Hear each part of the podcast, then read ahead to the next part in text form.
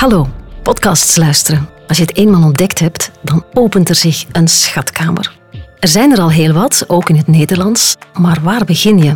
Wel, bij Luister bijvoorbeeld. Wij zijn een gezelschap van podcastmakers en elke week stellen we jou hier met trots een aflevering voor van een van onze podcasts. Voor nummer drie van Luister kiezen we een aflevering van Plantrekkers. En die gaat over Sonja. Sonja is een oudere vrouw met lang grijs haar, een bril met grote ronde glazen en een tattoo van Janis Joplin op haar rechterbovenarm. Ze vertelt het verhaal van haar leven. Een leven van verslaving, verlies en weerspannigheid. Een leven met bochten, met haken en ogen. Een stuk van Dieter van Dam. Luister.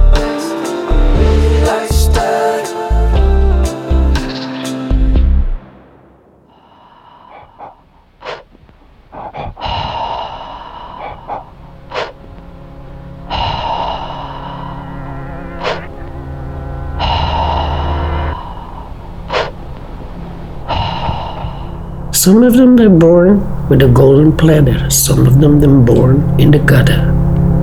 But each one has a role in this life.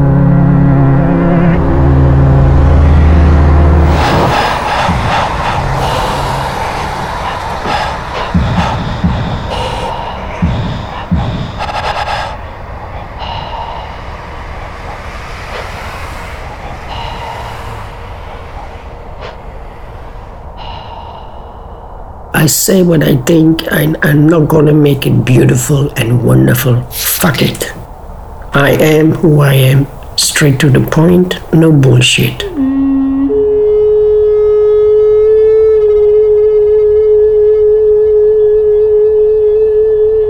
I'm not Queen Bitch. I can't be Queen Bitch if you hurt people that's close to me. The old Sonia is coming back.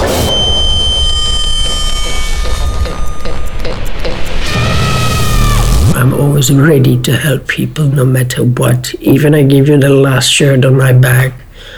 I'm not rich. I just have enough to survive. But I'm happy.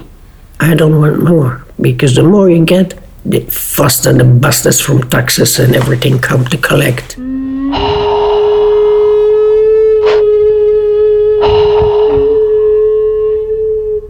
There are days that I still struggle to come out of my bed and I think, what the fuck I'm living for?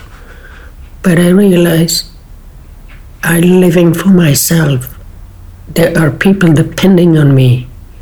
They come to me and they tell the biggest secret that even nobody knows.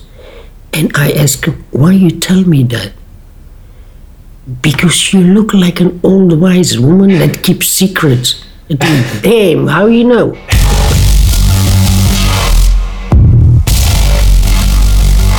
It's a circle of life. From all of my mistakes that I made, I learn not what to do.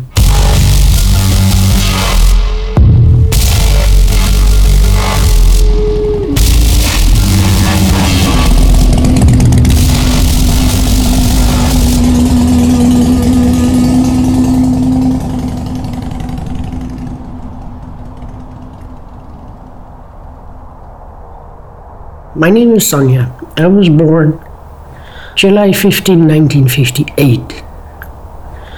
I can describe myself. Uh, I wear glasses. My hair is long till on my butt. It's gray, but I have an outgrow because the longest part is still colored. I got two dreads on each side with bells and, and, and cords and everything. I have a lot of tattoos on my body, but each tattoo is in memory of.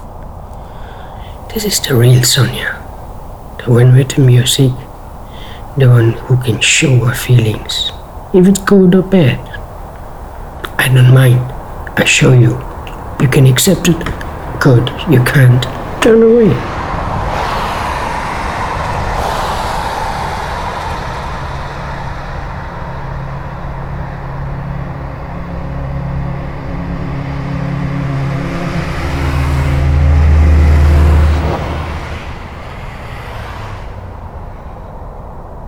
I came out of a very big family. But my mom was quite young and wild, and she dumped me. I was four years old. She dumped me on the side of the road with my brother and two sisters because she wanted to be free. She still wanted to enjoy her life.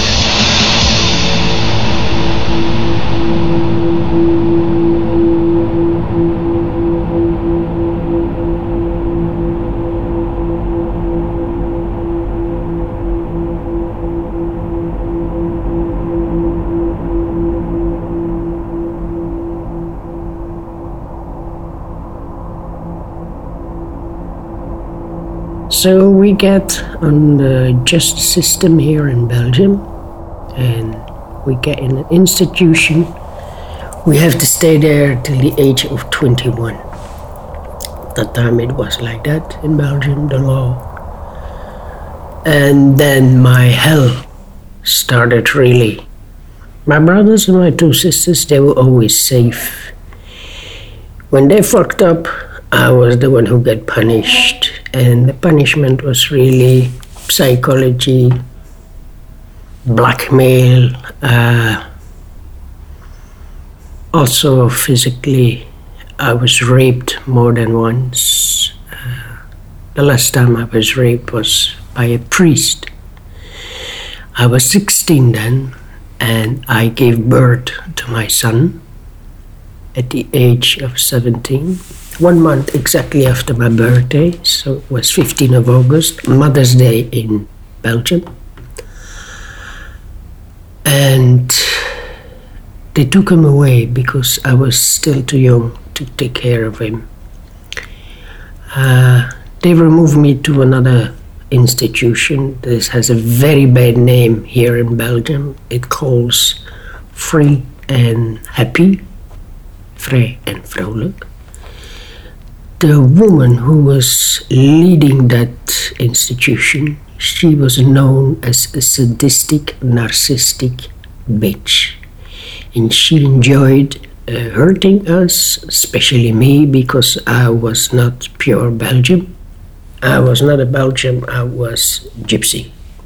And gypsy in that time was scum in her eyes, so she beated me regularly because I got my periods too early. She wanted to be exactly 28 days. I don't know one woman who has this on a time of 28 days. And the last time I remembered, I was 18. She locked me up in a dog cage. February, it was freezing, naked. And one of the people who were working there went to the authorities, and then the ball started rolling.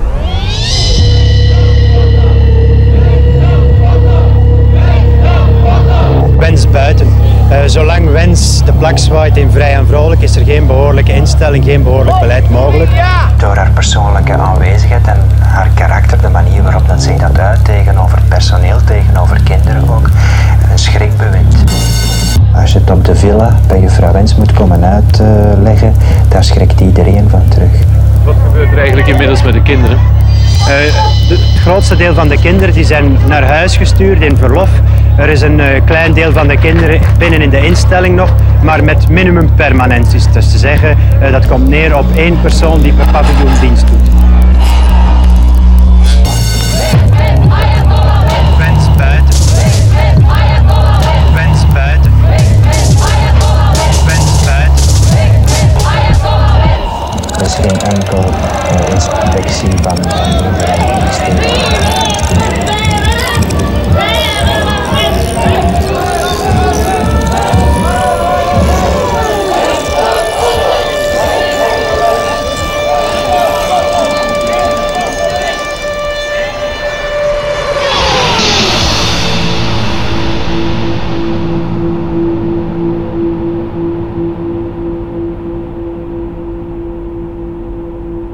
Police came, the judges came, and they shut down this institution.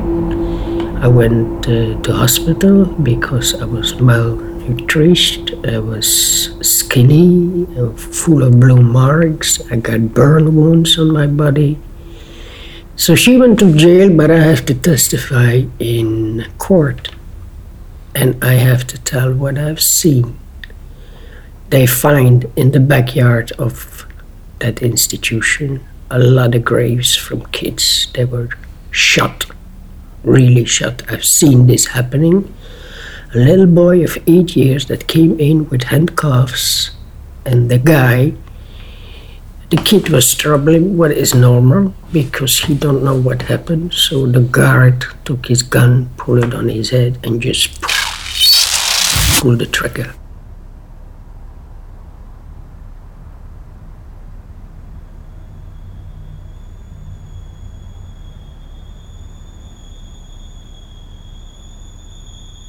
She was sentenced to life in prison. Now I know that bitch is dead. And I really, when I found out the bitch was dead, I really sing, ding dong, the bitch is dead, ding dong, the bitch is dead.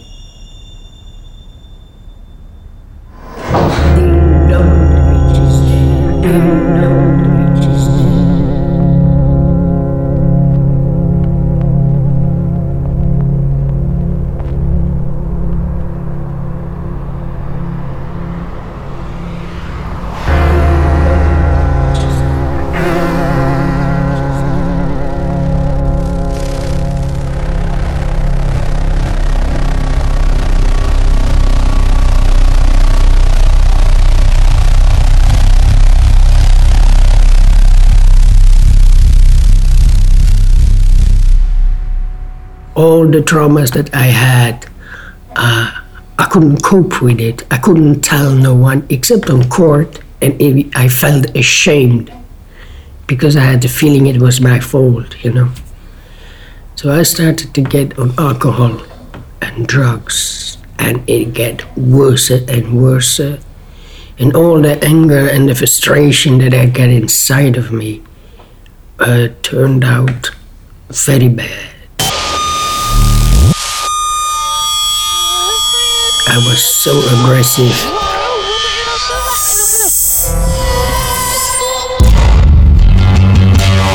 I'm five four tall, 140 pounds. Man standing in front of me, six feet plus, and I didn't went out of their way. I just headbanged them.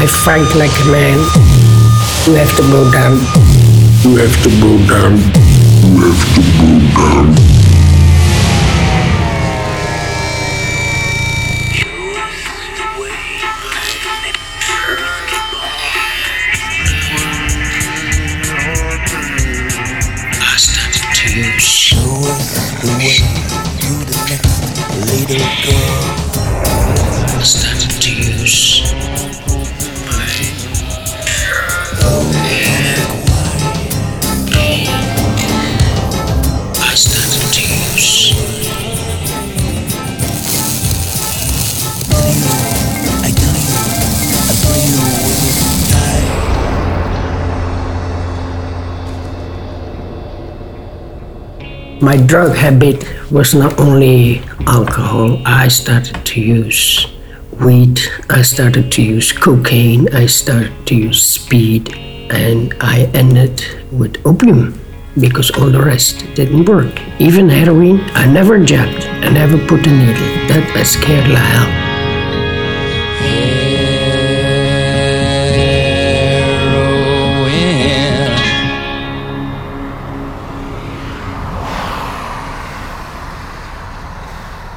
The age of 25, I find my son.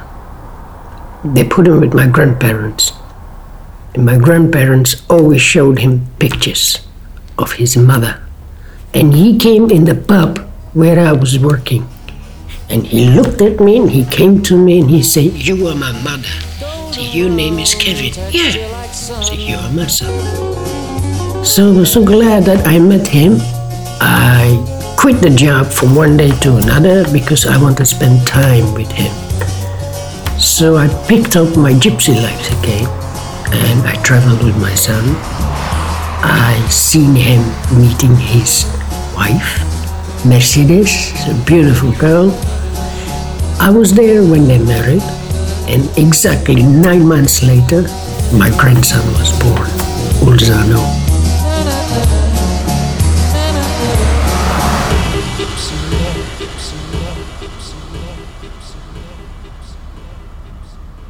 I went back to Rotterdam because I wanted to start a business, a pub. And with the idea, if my son, with my daughter in law, my grandson comes here, we do the business. After, when I'm old enough, I can say, it's yours, you go on. Because across that pub, you got the Sensi Smile, where you can buy weed but you can smoke in my place, but I don't sell this shit, you know. Music was also rock and roll because I'm a rock and roll girl, so you come in, you could hear Led Zeppelin, Deep Purple, Janis Joplin, but no. No, no, no, no, no, no, no. Disco or that kind of shit.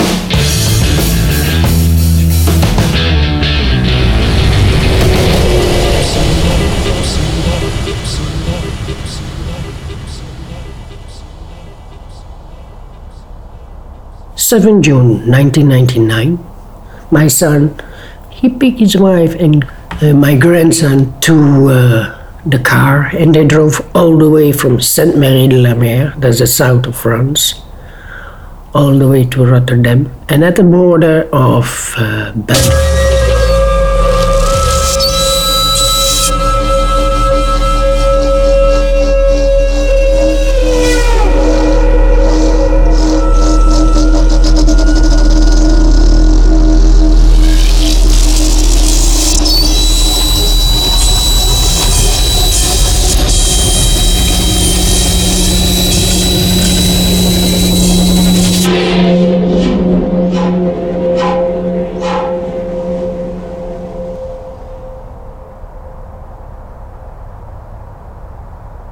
Got hit by a truck and they died, all three of them in one time. He was 24, she was 22, and three months pregnant, and my grandson was 19 months old. And the worst part was the police came for me to identify them.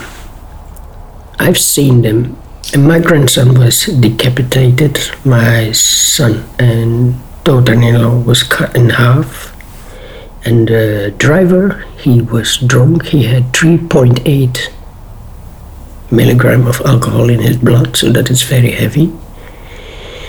He only got five years in prison for taking three lives and i wanted to beat the shit out of him. And that's the point i went harder in drugs because I lost two generations in one time and I only had one. I went all the way down. Fuck it.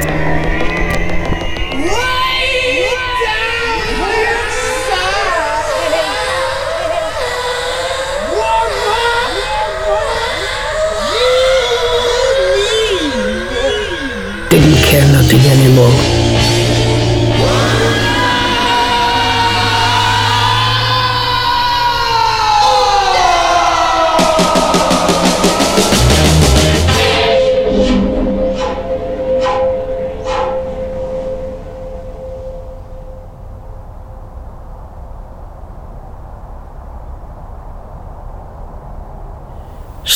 To transport as a mule dope to the UK, to Germany, to Spain. Even I went to Singapore and Malaysia. Never get caught. If they catch me there, I wouldn't be talking to you anymore because you hang. But that was cool, and then I decided to go to Thailand to take a time out. I had a very good friend who lived in Thailand and the worst part was the opium fields is just around the corner. โอ้ความพิศวาสประหลา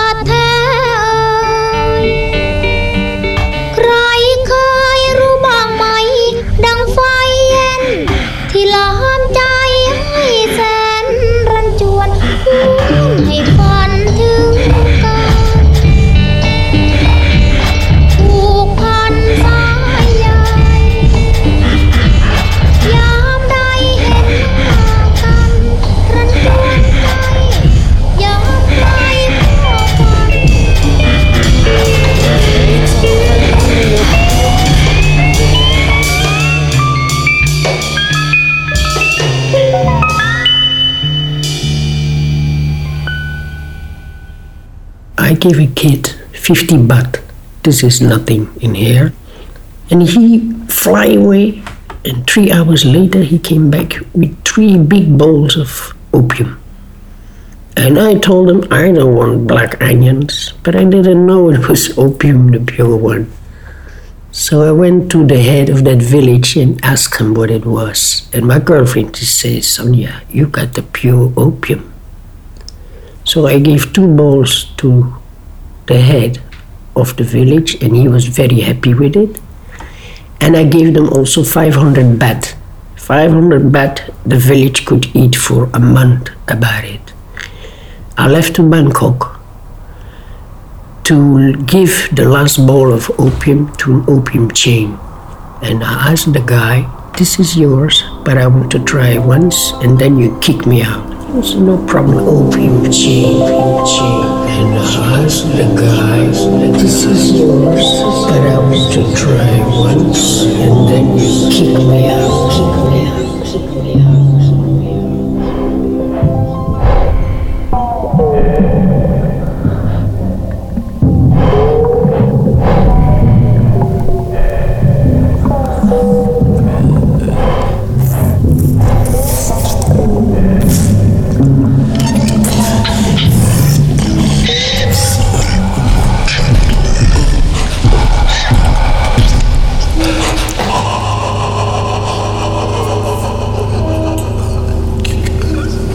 I wake up, you get refreshed in your face, you get some tea, and I walk outside, and the local police came by, and I was fucked. They shoot me, keep me there for 33 years, but I spent three years there. The first two weeks, it was pure rape in Thailand prison. They don't care even women or men, they do it. Because I was a white one, I was not a local.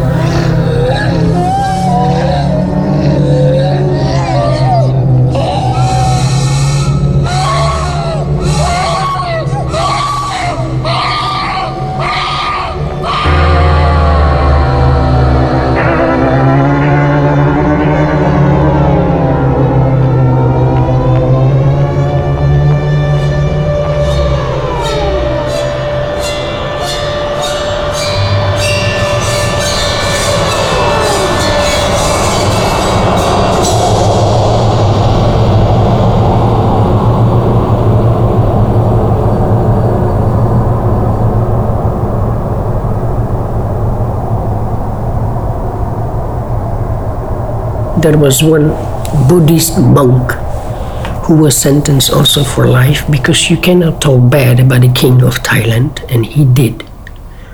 So by that monk, I could skip a message out to my father. Dad was an international sea captain. He received the message. He was in Kyoto in Japan. He left the ship, he came to Bangkok, and then he paid in Belgian francs a quarter of a million on the table. And a half an hour later, I was outside. He found out they didn't even trial me. So I was out half an hour later. He smacked me. And I said, Dad, why? He said, I do the same shit, but I don't get caught. You get caught. That's your problem. I came back to Belgium and it got worse because even here I still could find opium. Till one of my son's friends came to me and smacked me in my face and tell me, Do you think that Kevin wants to see you like this? I was compared to an anorexia without any teeth in my mouth anymore. Uh, the eyes were deep in the sockets, and I walked on a shopping street and I looked myself in the mirror and I say loud, What a fucking junkie is this? But the junkie was me.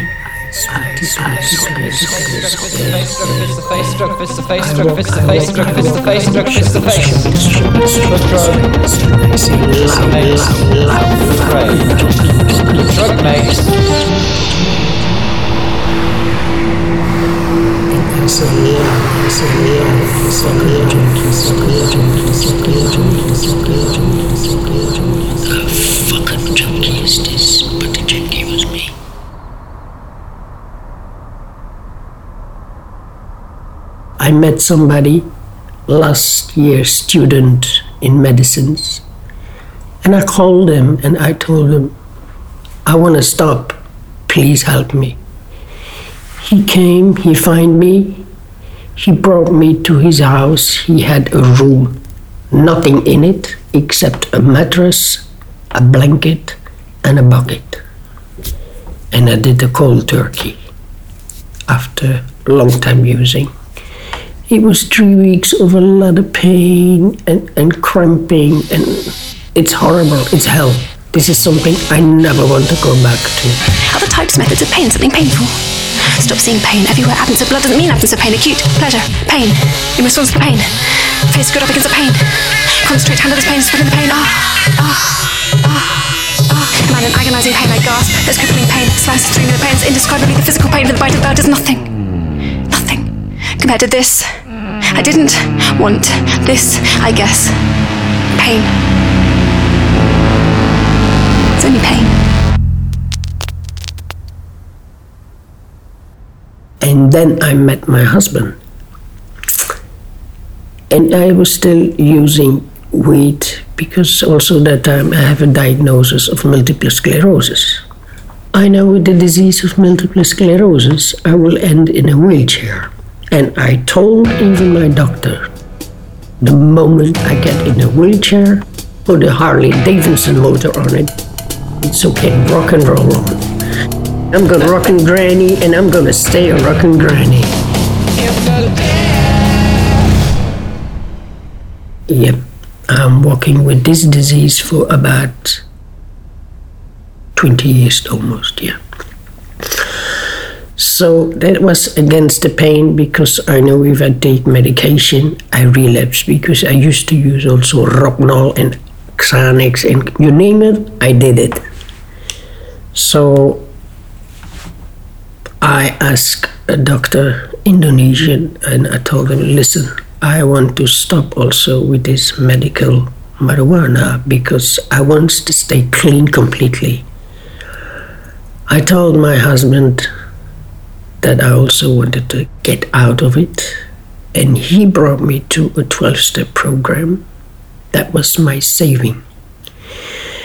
I have to say, the first time I came in and they started to talk about God, I think, oh fuck, I'm in the wrong place. This is a sect. But it wasn't. It still today saved my life. And in the beginning, it was hard to accept that I was an addict.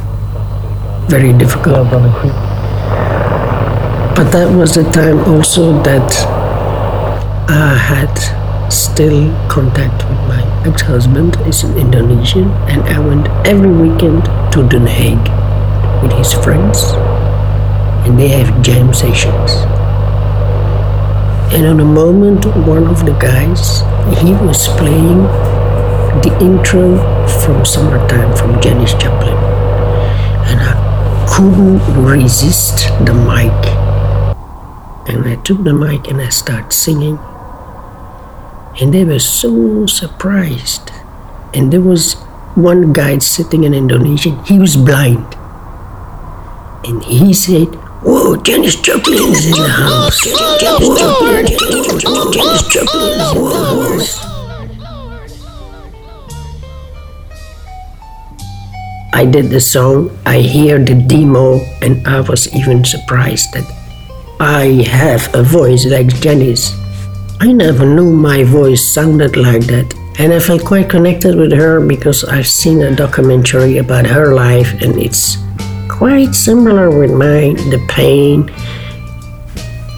the not understanding, feeling worthless, searching for the right person, everything.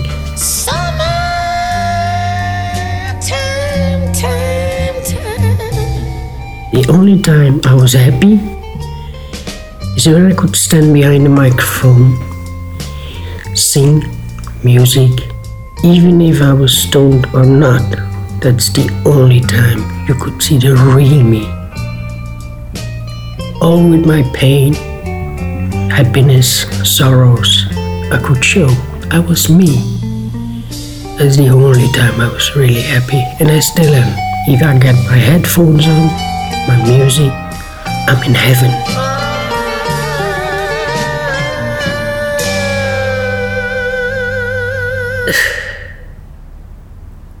The pain of losing my son, daughter in law, and grandson stays. I know they are with me, but I give it a place now. When the day comes they die, I still mourn, of course. When it's his birthday, it's hard. When it's her birthday, it's hard. When my grandson's birthday, it's hard. But I have to go on with my life. And I know one day I will see them back.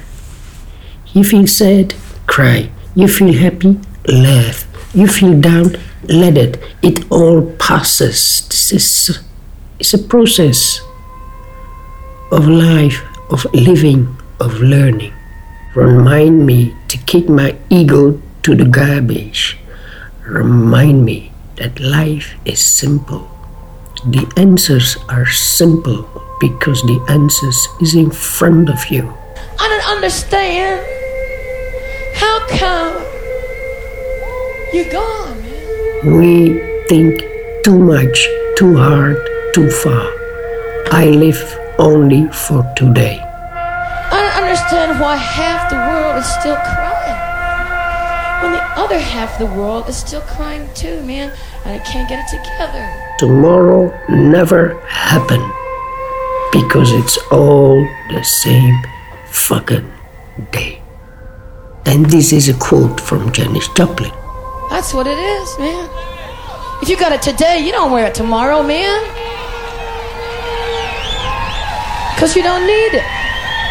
Because as a matter of fact, as we discovered on the train, Tomorrow never happened because it's always today. it's all the same fucking day, man.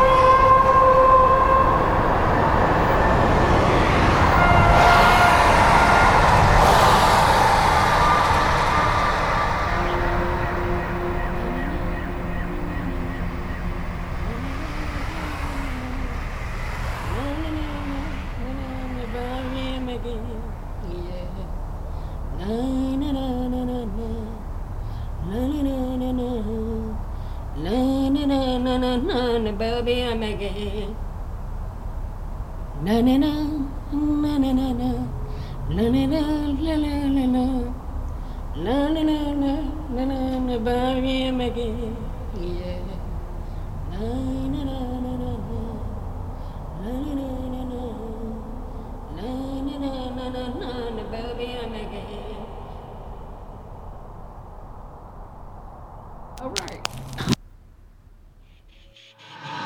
Wil je nog meer horen van plantrekkers? Ga dan naar luister.be. Dat is luister met een Y.